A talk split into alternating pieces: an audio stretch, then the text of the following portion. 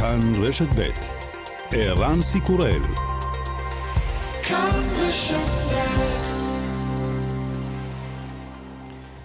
השעה הבינלאומית מיד נהיה עם ענייני העולם, אבל uh, עוד קודם לכן אנחנו uh, רוצים לעסוק, לעסוק לצערנו uh, בהרחבה במה שקורה היום, יום של טרור כאן בישראל, פיגוע שבו נרצחו שלושה בני אדם באריאל, שלושה אחרים נפצעו קשה.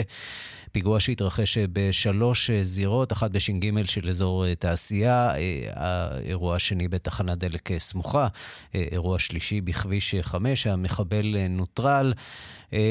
העורך הוא זאב שניידר, המפיקות אה, אורית שולץ ולי לאופר, בביצוע הטכני שמעון דוקרקר, אני רנסי קורל, ואנחנו אה, עוברים אלייך, כרמל דנגור, כתבתנו, שנמצאת כעת אה, בתחנת, כעת בתחנת הדלק באריאל, במקום הפיגוע. שלום, כרמל.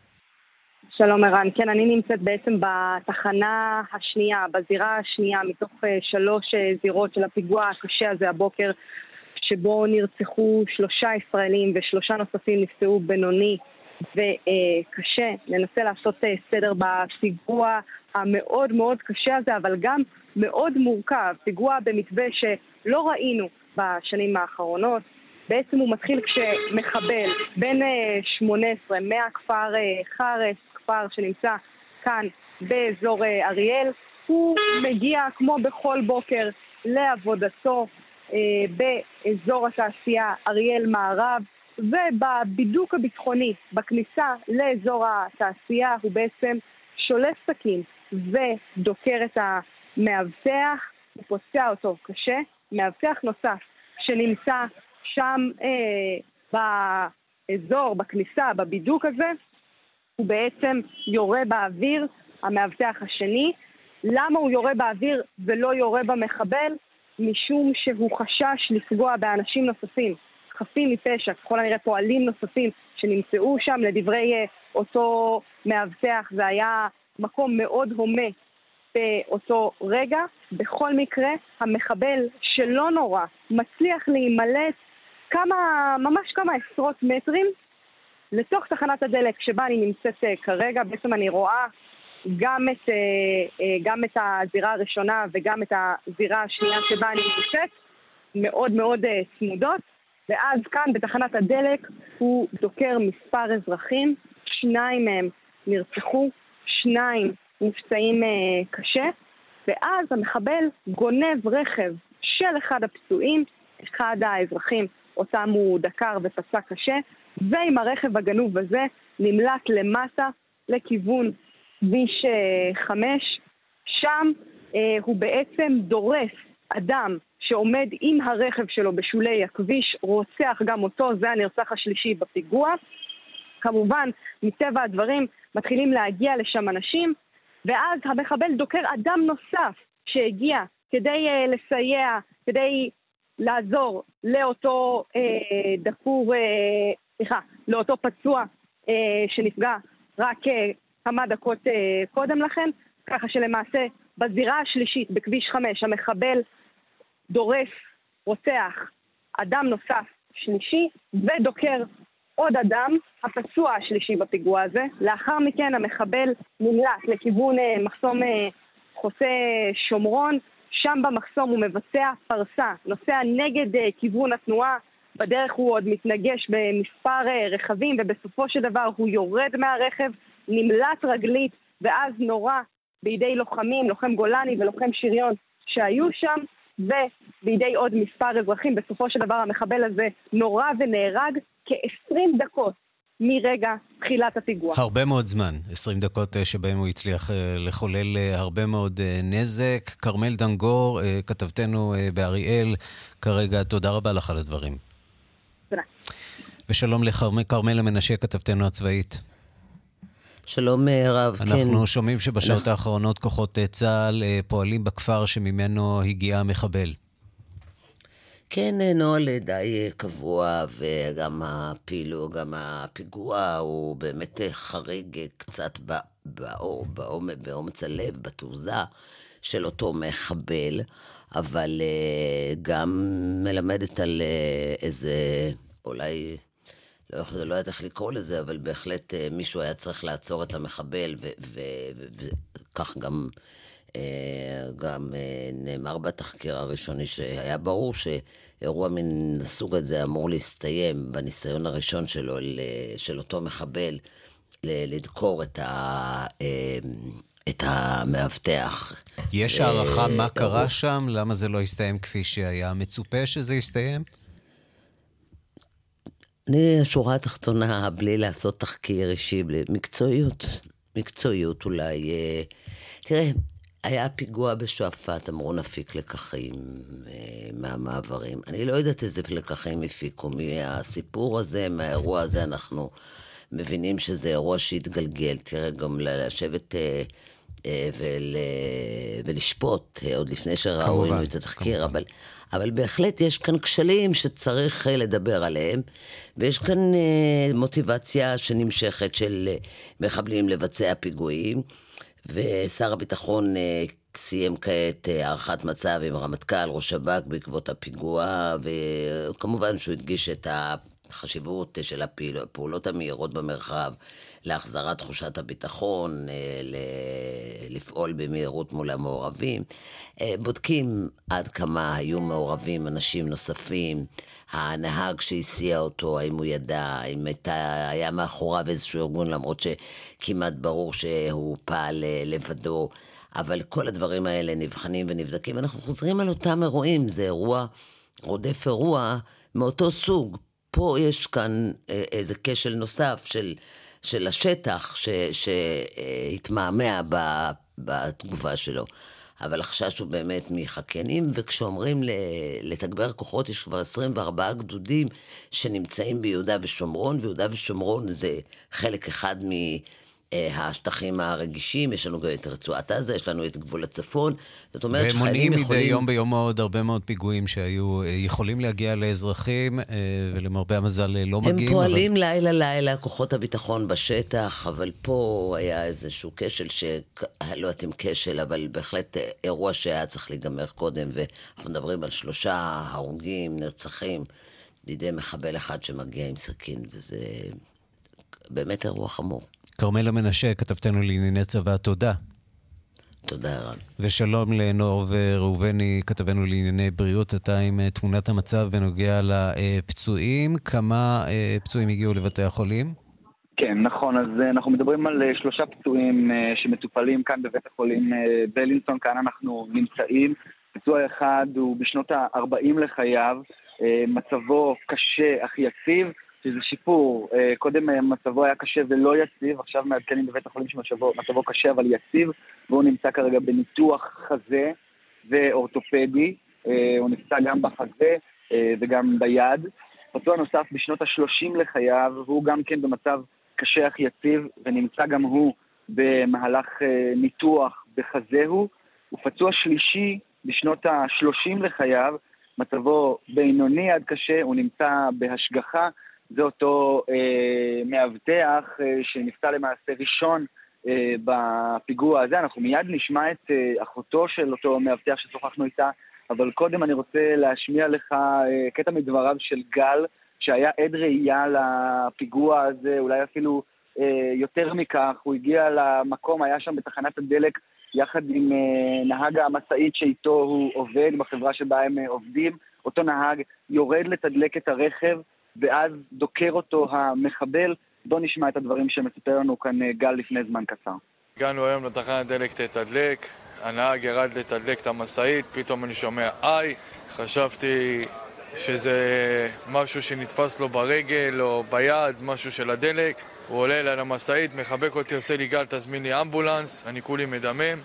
אחרי שראיתי שהוא מדמם, פשוט אה, חיבקתי אותו, והוא פתאום איבד לי הכרה בין הידיים, אני לא יודע עכשיו אם הוא חי, מת, אני מאוד רוצה לדעת, ופשוט אני גם, איך שהחזקתי אותו, עפתי איתו קדימה, וקיבלתי גם מכה בראש ובגב, ואני רק רוצה לדעת מה, מה קורה איתו, ושרק יחזור אלינו בשלום ובריא.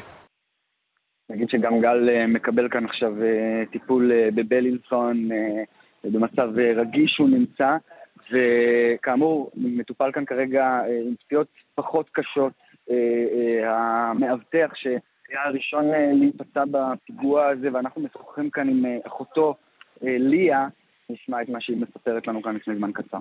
הוא היה בביקורת במעבר, באזור תעשייה אריאל.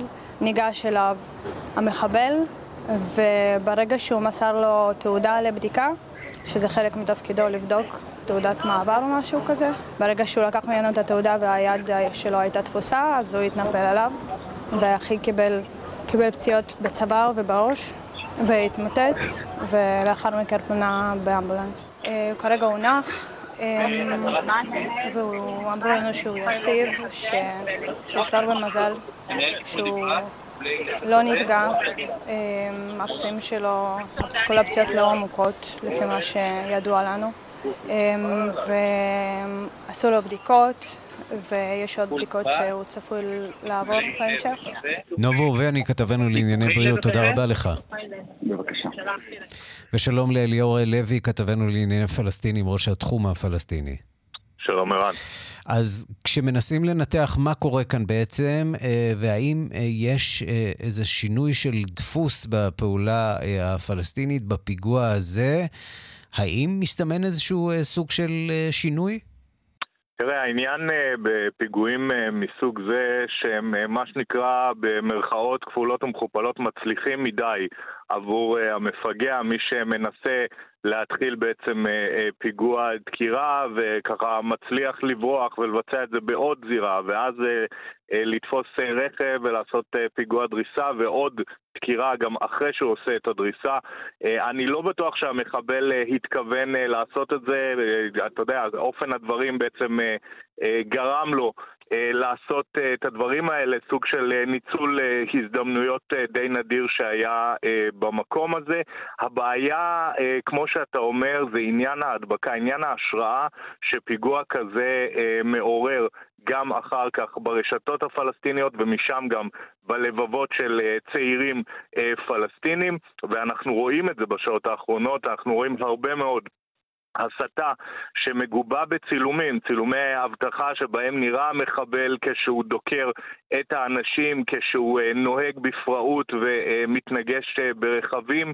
אה, כל אותם סרטונים בעצם מגובים בסיסמאות, קריאות, כתובות של תמשיכו, תעשו את הפיגועים כמו שהוא עשה, תנסו לעשות את זה כמה שיותר ובצורה קטלנית יותר. עד כמה באמת אנחנו מדברים פה על אירועים מתוכננים או פעולות, יוזמות של יחידים? אפשר כבר לדבר על, על דפוס מאורגן?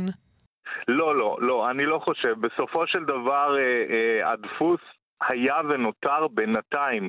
טרור יחידים. במת... לפחות במקרים הללו של טרור יחידים, כאשר אנחנו מדברים על פיגועי ירי, אז זה מצריך התארגנות, זה מצריך קניית נשק. כאן בסך הכל מדובר על בן אדם שקם, לקח סכין והחליט לעשות uh, פיגוע. הפיגוע הזה גם יכל, צריך לומר, להסתיים בלא כלום באם uh, התגובה הייתה uh, uh, מתבצעת כמו שבדרך כלל קורה, רק שכאן, מטבע הדברים ומכל מיני נסיבות, הוא הצליח לעשות uh, פיגוע הרבה יותר uh, מורכב. בסופו של דבר פיגועים מסוג אלה וגם ממה שאנחנו שומעים גם לגבי המחבל וגם לגבי הסביבה שהוא הגיע, כנראה שבמקרה הזה לא מדובר בהתארגנות, אלא מדובר בטרור אה, יחידים, שהבעיה בטרור הזאת היא ההשראה. אה, תגובות אולי אה, מכיוון הרשות הפלסטינית? חמאס אני מניח שמברך, אבל מה אומרים ברשות הפלסטינית? האם משם תבוא הישועה או איזה סוג של גינוי?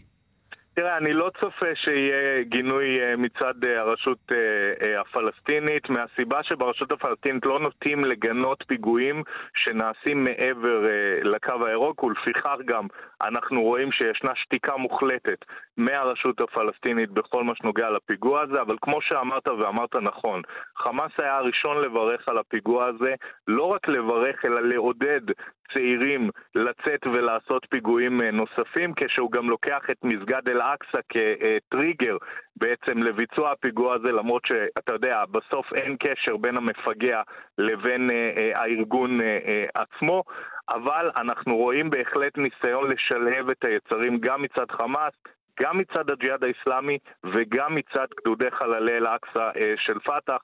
שלושתם ככה מנסים לבוא ובעצם להעצים את האירוע הזה, ובינתיים בכפר חארס, כפרו של המחבל, צה"ל אה, פועל שם בשעות האחרונות, לפי מקורות פלסטינים נעצרו גם כמה אנשים שחשודים שהיו קשורים אליו, או ניסיון לבדוק אם היו קשורים, או אם ידעו על uh, כוונותיו של המחבל, כמו גם הנהג שהסיע אותו, ועדיין לא ברור אם הוא ידע שכוונתו לעשות פיגוע. אליאור לוי, ראש התחום הפלסטיני, תודה. תודה. אנחנו כמובן אה, ממשיכים אה, לעקוב אחר האירועים אה, בשומרון, וכמובן נביא לכאן כל עדכון ככל שיהיה. בד בבד, העין פקוחה גם למה שמתרחש בכנסת, יום חגיגי בכנסת, עם כניסתה והשבעתה של הכנסת החדשה. ספק אם זה יעבור חלק, אנחנו עם עין פקוחה גם על הדיון שצפוי להתחיל שם בשעה הקרובה. פרסומות, ואנחנו אה, חוזרים עם ענייני החוץ.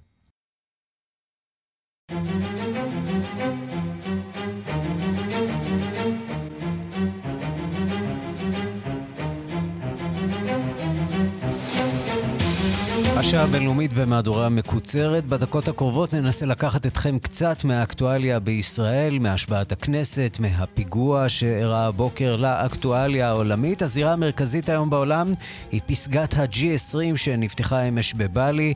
רוב מנהיגי המדינות המשתתפות בה סירבו להצטלם כנהוג בפתיחת הכינוס, כי לא רצו לככב לצידו של שר החוץ הרוסי סרגי לברוב.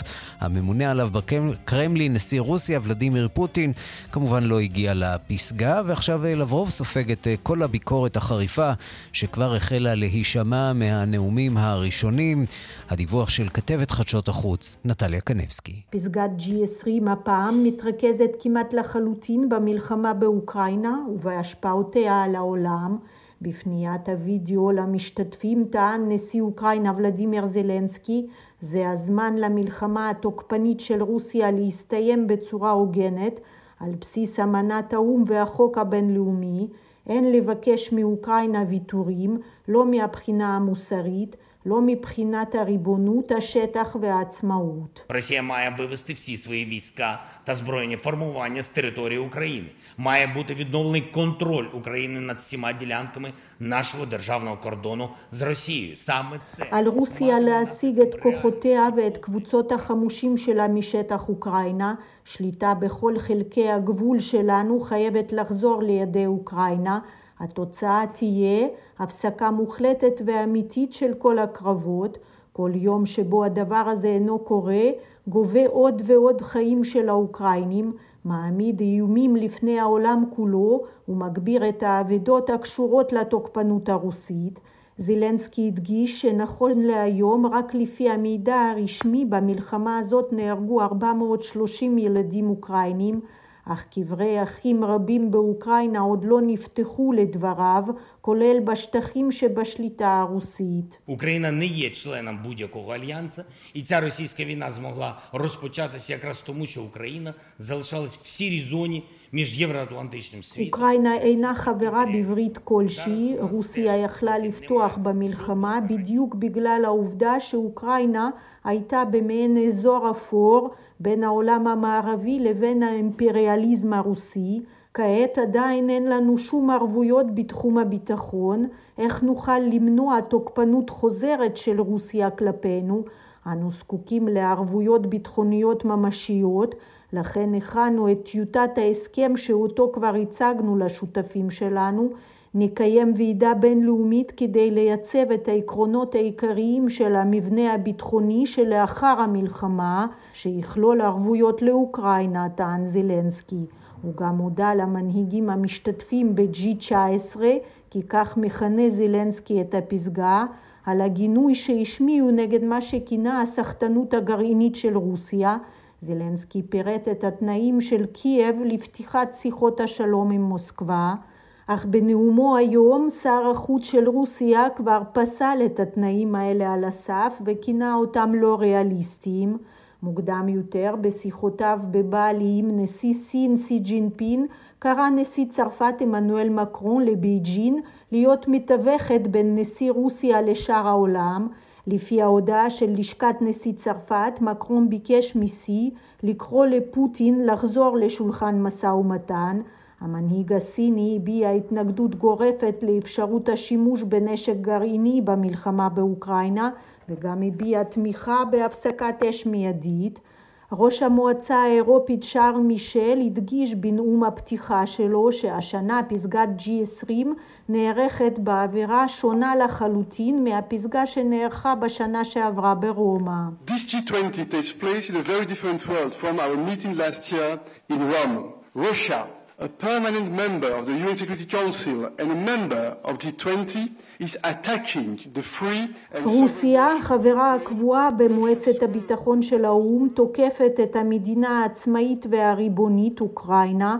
מלחמתה של רוסיה משפיעה על כולנו, לא משנה היכן אנו חיים, באירופה, באפריקה, במזרח התיכון, והדרך היחידה לשים קץ למשבר המזון והאנרגיה היא שרוסיה תסיים את המלחמה חסרת ההיגיון הזאת ותכבד את אמנת האו"ם, טען ראש המועצה האירופית וקרא למנהיגים המשתתפים בפסגה לנצל את המפגשים היום ומחר כדי להפעיל לחץ כבד יותר על מוסקבה.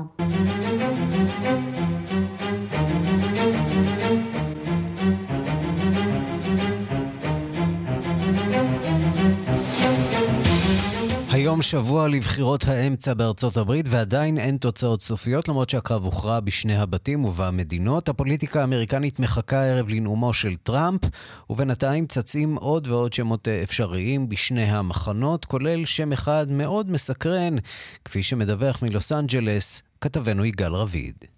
שבוע אחרי בחירות האמצע בארצות הברית, והקרב הוכרע לרפובליקנים 217 מושבים בקונגרס, והם צריכים עוד אחד שכנראה יגיע בשעות הקרובות.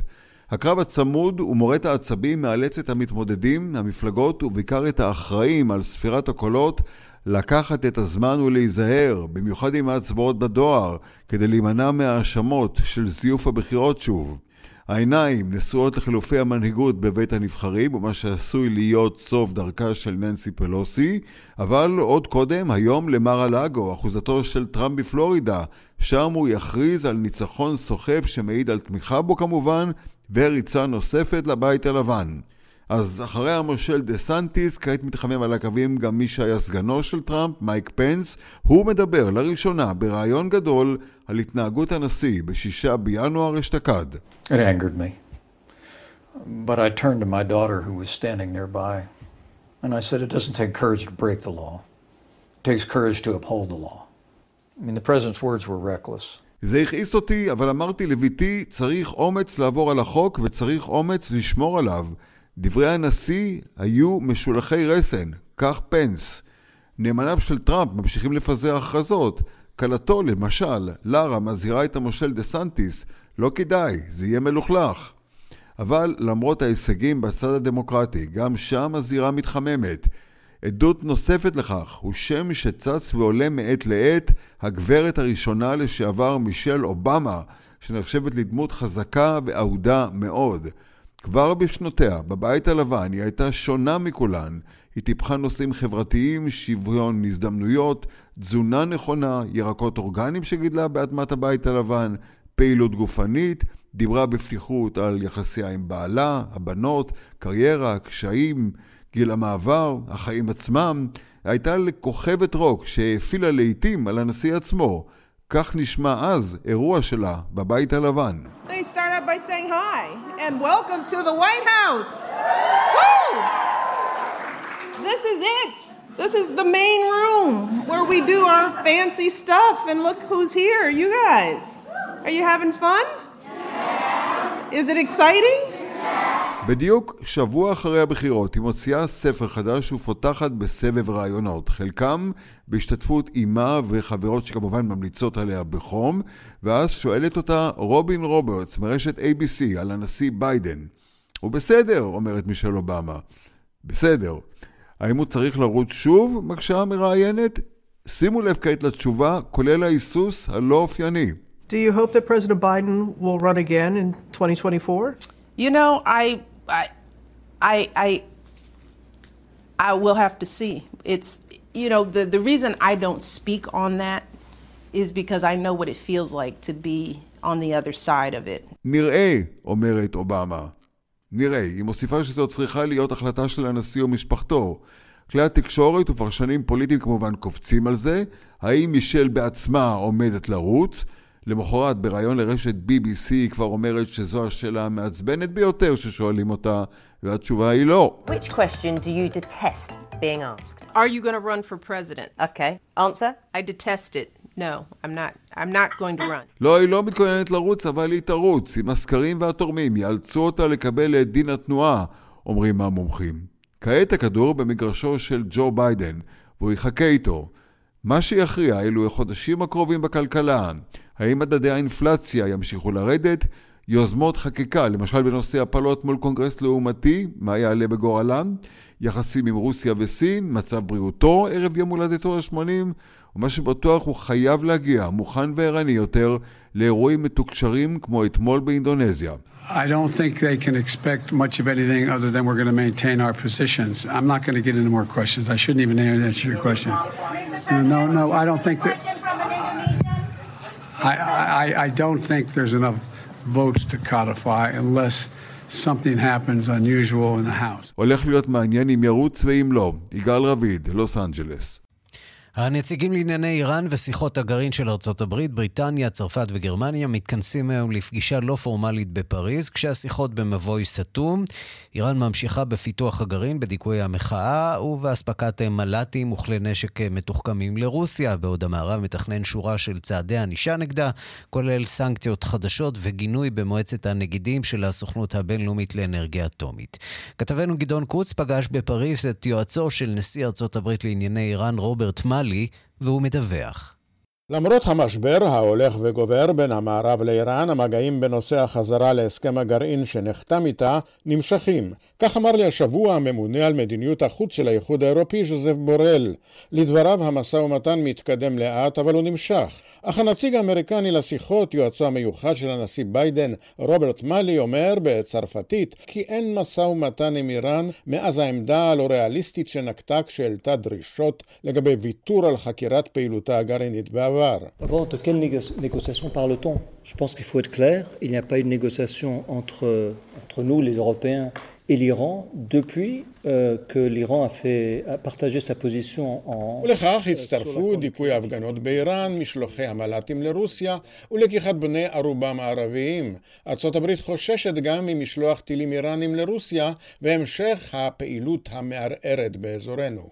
עם זאת, הדרך הדיפלומטית עדיין מועדפת על הממשל בוושינגטון, אך אין כל תאריך יעד לחזרה להסכם.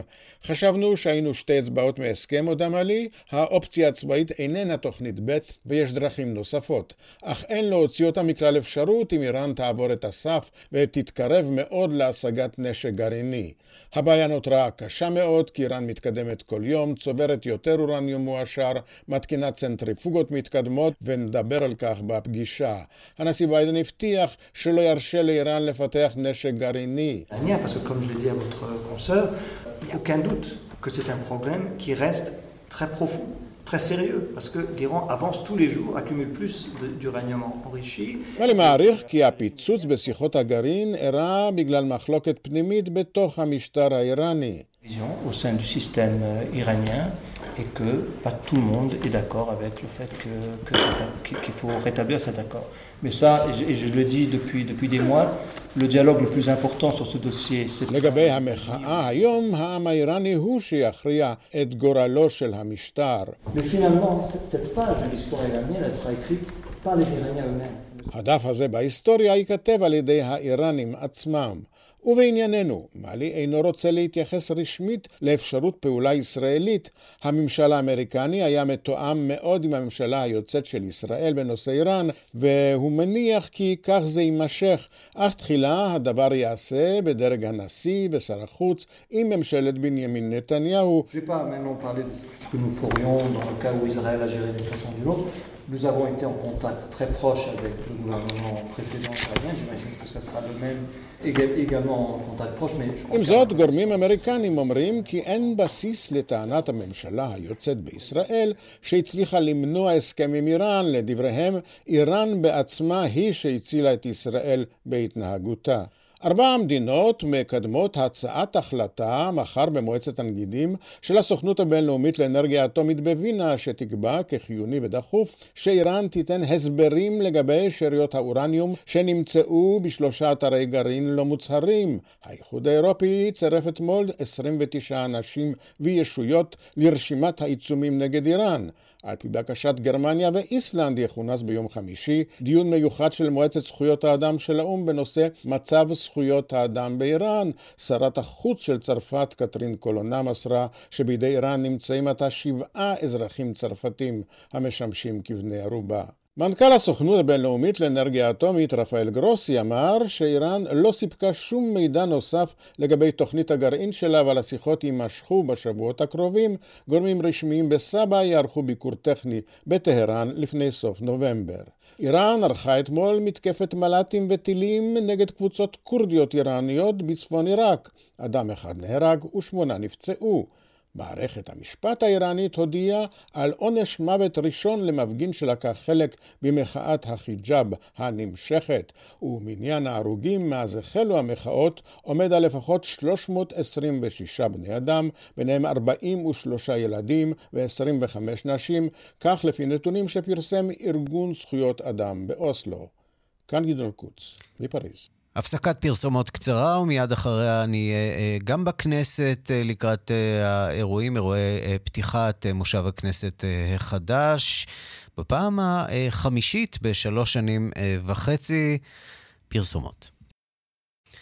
אם נולד לכם אה, תינוק אה, היום, אה, ראשית מזל טוב, אבל כנראה שמדובר במזל טוב כפול, כיוון שייתכן שהוא אחד מבין התינוקות שעשויים להיות התינוק השמונה מיליארד. האו"ם מודיע היום שה-15 בדצמבר, היום, הגיעה אוכלוסיית העולם לשיא של שמונה מיליארד בני אדם. על פי ההודעה, לפני 12 שנים חצתה אוכלוסיית העולם את רף 7 מיליארד, יחלפו עוד 15 שנים. שנים עד שנגיע למיליארד הבא, ואנחנו רוצים לומר שלום לפרופסור סרג'יה דלה פרגולה.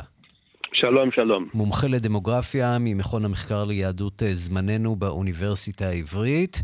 כן. Uh, צריך להגיד שאנחנו uh, רואים כמובן עלייה, אוכלוסיית העולם הולכת ועולה, אבל כן. בכל זאת יש איזו מידה של בלימה אם אנחנו מדברים על uh, 12 שנה, יחלפו עוד 15 שנים, זה אומר שמשהו כאן בכל זאת משתנה.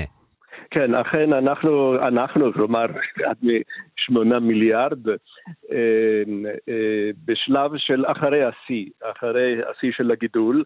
אה, אם ניקח את סוף מלחמת העולם השנייה כנקודת ההתחלה, גידול האוכלוסייה העולמית היה תקופות ארוכות מעל לשני אחוז או אפילו שניים וחצי אחוז לשנה, שזה ריבית בריבית אה, מאוד מאוד משמעותית. Mm-hmm. היום בשנה האחרונה זה, זה קצת מתחת לאחוז אחד.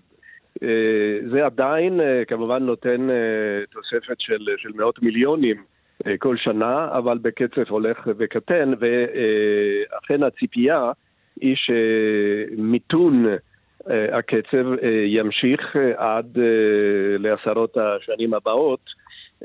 האומות המאוחדות עוסקים בתרגיל uh, מעניין, אם כי הדיוק שלו כמובן מאוד מפוקפק. והוא תחזיות לטווח ארוך. כלומר, כמה, מה, יקרה עד לסוף המאה, ואפילו לעוד מאה שנים אחרי זה. קשה מאוד אה, לזהות דפוסים של אה, אה, תחלואה, תמותה וילודה בטווח כזה, נכון? לא, זה, זה ברור, אבל כלומר, כן ולא. יש לו חלק אחד, אחד שהוא אה, נקרא לו ההתפתחות הרגילה, כלומר אה, מצד אחד הרצון של אה, אנשים למשפחה ולהביא ילדים, ואין ספק שזה ירד מאוד בעשרות השנים האחרונות. גם היכולת לתכנן משפחה בקצב מסוים ש, שמאוד מאוד עלתה. יש להניח ש, שהילודה תישאר די נמוכה בעתיד. אגב, שבשיחה הזאת אחת הנקודות המרכזיות הוא הפערים בין היבשות אה, ובין אה, אזורים שונים אה, בעולם כולו. כשאנחנו השני... מדברים בעיקר על כן. ירידה משמעותית במערב, לעומת זאת עלייה כן, כן. במדינות סהרה, לא, לא, אפריקה. אין, עלייה, עלייה של ממש אין בשום מקום, בכל מקום יש ירידה, אבל. במדינות היותר מפותחות הילודה מאוד נמוכה, ומה שקורה זה הצד השני, התמותה. התמותה משקפת שני דברים. בעצם עלייה בתוחלת החיים.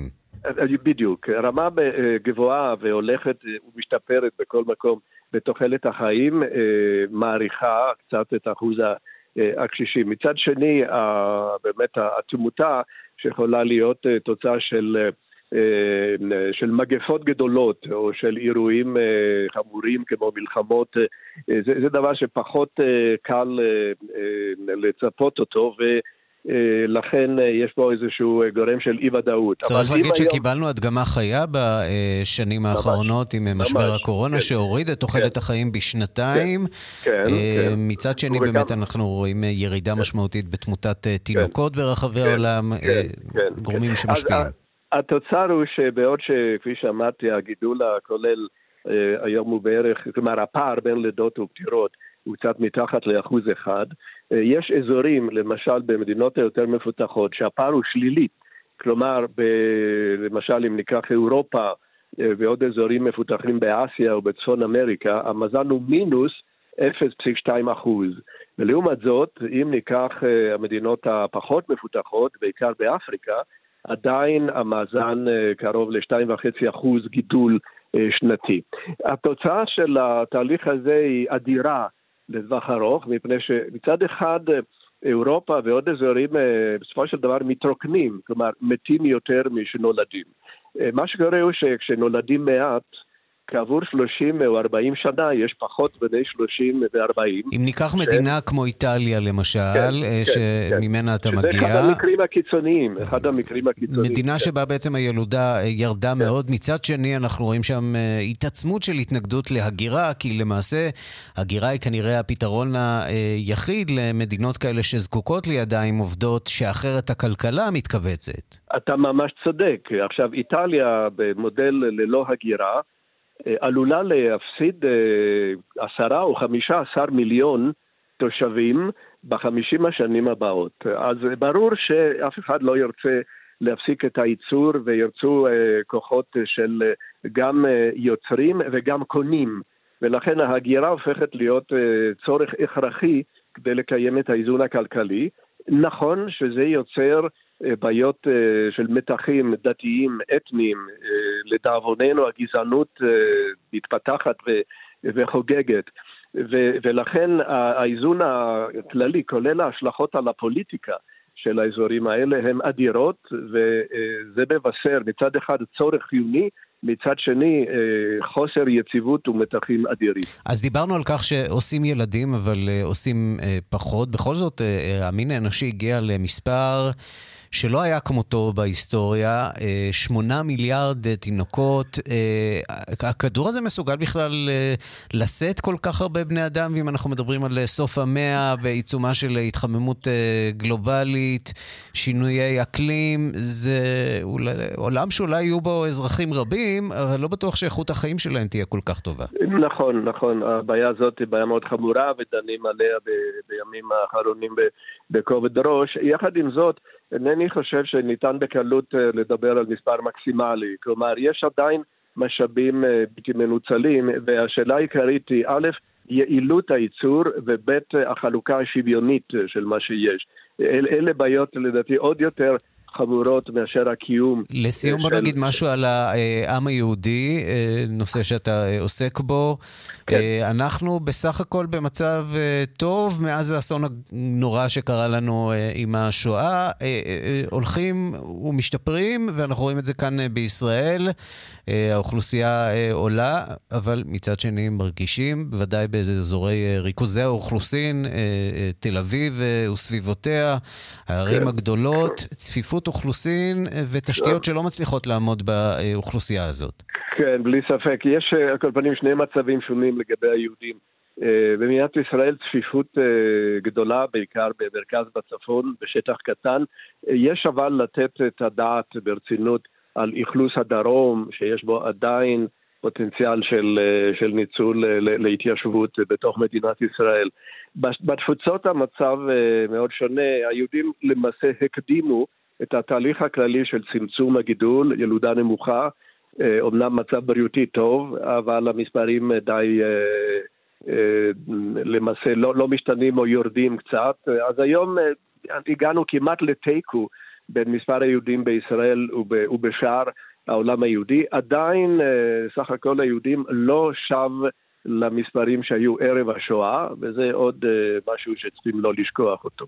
פרופסור סרג'יו דה לה פרגולה, תודה רבה לך על הדברים. תודה רבה. ואנחנו כאן נערכים לקראת משדר מיוחד שיתקיים כאן ממש עכשיו אחרינו עם בנימיני וגואטה מהכנסת לרגל מושב הכנסת החדש, ישיבת הפתיחה של מליאת הכנסת. שלום לבנימיני. שלום סיקורל ושלום גם ליגאל גואטה שנמצא כאן לידי, חבר שלום, הכנסת שלום לשעבר. חברים, שלום, כן. כן, אז אנחנו ממתינים אה, בארבע, אה, תחל ההשבעה, יחל הטקס, אבל אנחנו כאן עוד אה, לפני, החל מהשעה שלוש, מיד אחריכם ערן, נהיה פה עם שידור מיוחד של בנימיני וגואטה, עד שש וחצי נכסה את כל האירועים שקורים ביום הזה, יום השבעת הכנסת ה-25, כבר חברי כנסת עם פנים חגיגיות הגיעו לכאן עוד משעות הבוקר, עוברים, מחייכים, לוחצים ידיים, מלווים בבני המשפחות שלהם, זה היום החגיגי שלהם, אם כי צריך לומר, היום הזה הוא בצילו של הפיגוע הרצחני שהיה באריאל הבוקר. לא בוטלו אירועים, כי בכל זאת יש פרוטוקול, אבל אין ספק שהאווירה כאן אחרת והיא נפגעה מעט, אבל... נפגעה המון. נפגעה, בהחלט. כן. ואנחנו כאמור בשלוש פלוס, בשלוש וחצי, טקס קבלת נשיא המדינה הרצוג, אחר כך חתימה בספר הנשיאים, בארבע, טקס הצהרת האימונים מהמליאה, כל אחד ואחת מחברי וחברות הכנסת יקומו ויאמרו מתחייב אני. ושם יגיע הרגע המשבר שבו אה, יהיו חברי כנסת שאולי אה, לא יעמדו או לא ירצו להגיד, או לא, אה, כבר שמענו הבוקר אה, תיאורים של אה, חברי כנסת שסרבו כן, להצטלם עם הדגל. כן, ריטואל קבוע שקורה פה כל פעם שמשביעים את חברי הכנסת. אבל הרגע הכי קשה של חברי הכנסת זה שיש חברי כנסת חדשים שעוברים וחוזרים ועוברים וחוזרים ואף אחד לא מכיר אותם. לא מזהה אותם. יגאל, תגיד, אחרי כל כך הרבה שנים וכל כך הרבה כנסות, זה עדיין אה, מרגש האירוע הזה, כשלכולם ברור, אולי לא בממשלה הנוכחית, אבל שממשלות יציבות אה, אין בישראל אה, לאורך זמן. שנייה, שנייה, רק נתאר מה קורה פה. ליושב ראש הכנסת היוצא, ידידי מיקי לוי. שלום יקירי, מה שלומך? אני מת עליך. תודה רבה. אדם שבאדם. בהצלחה. השגנו לפחות, אם לא ראיון, אז מחמאות ליגאל גואטה מיושב ראש הכנסת. לא, הוא התכוון אליך, בנימיני. כן. מחמאות כפולות גם מכאן, גם מהאולפן. חוץ מהרגע שהושבעתי בכנסת, באמת שהוא היה רגע מרגש, בגלל שדיברתי על ההורים שלי, כרגע אני לא מרגיש שום התרגשות. יסלח לי הציבור. ויסלחו לי האזרחים ש... צריך לסלוח לך בנימיני, אני חושב שאתה לא מתרגש לעמוד לצידו שם. אני מתקשה להתרגש, אבל אני אתאמן על זה, אני אתאמן על זה.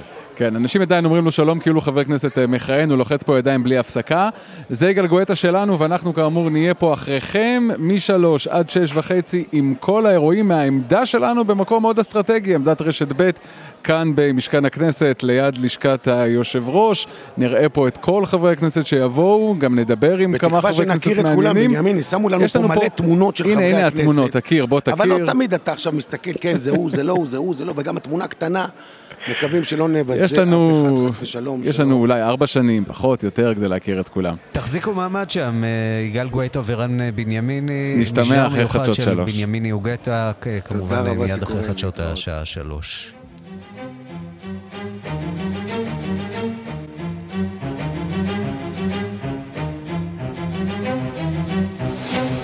ועד כאן השעה הבינלאומית בצל האירועים גם בכנסת וכמובן הפיגוע הקשה שהתרחש הבוקר באריאל. ערך זאב שניידר, המפיקה אורית שולץ, הטכנאים רומן סורקין ושמעון דוקרקר, אני רנסי קורל.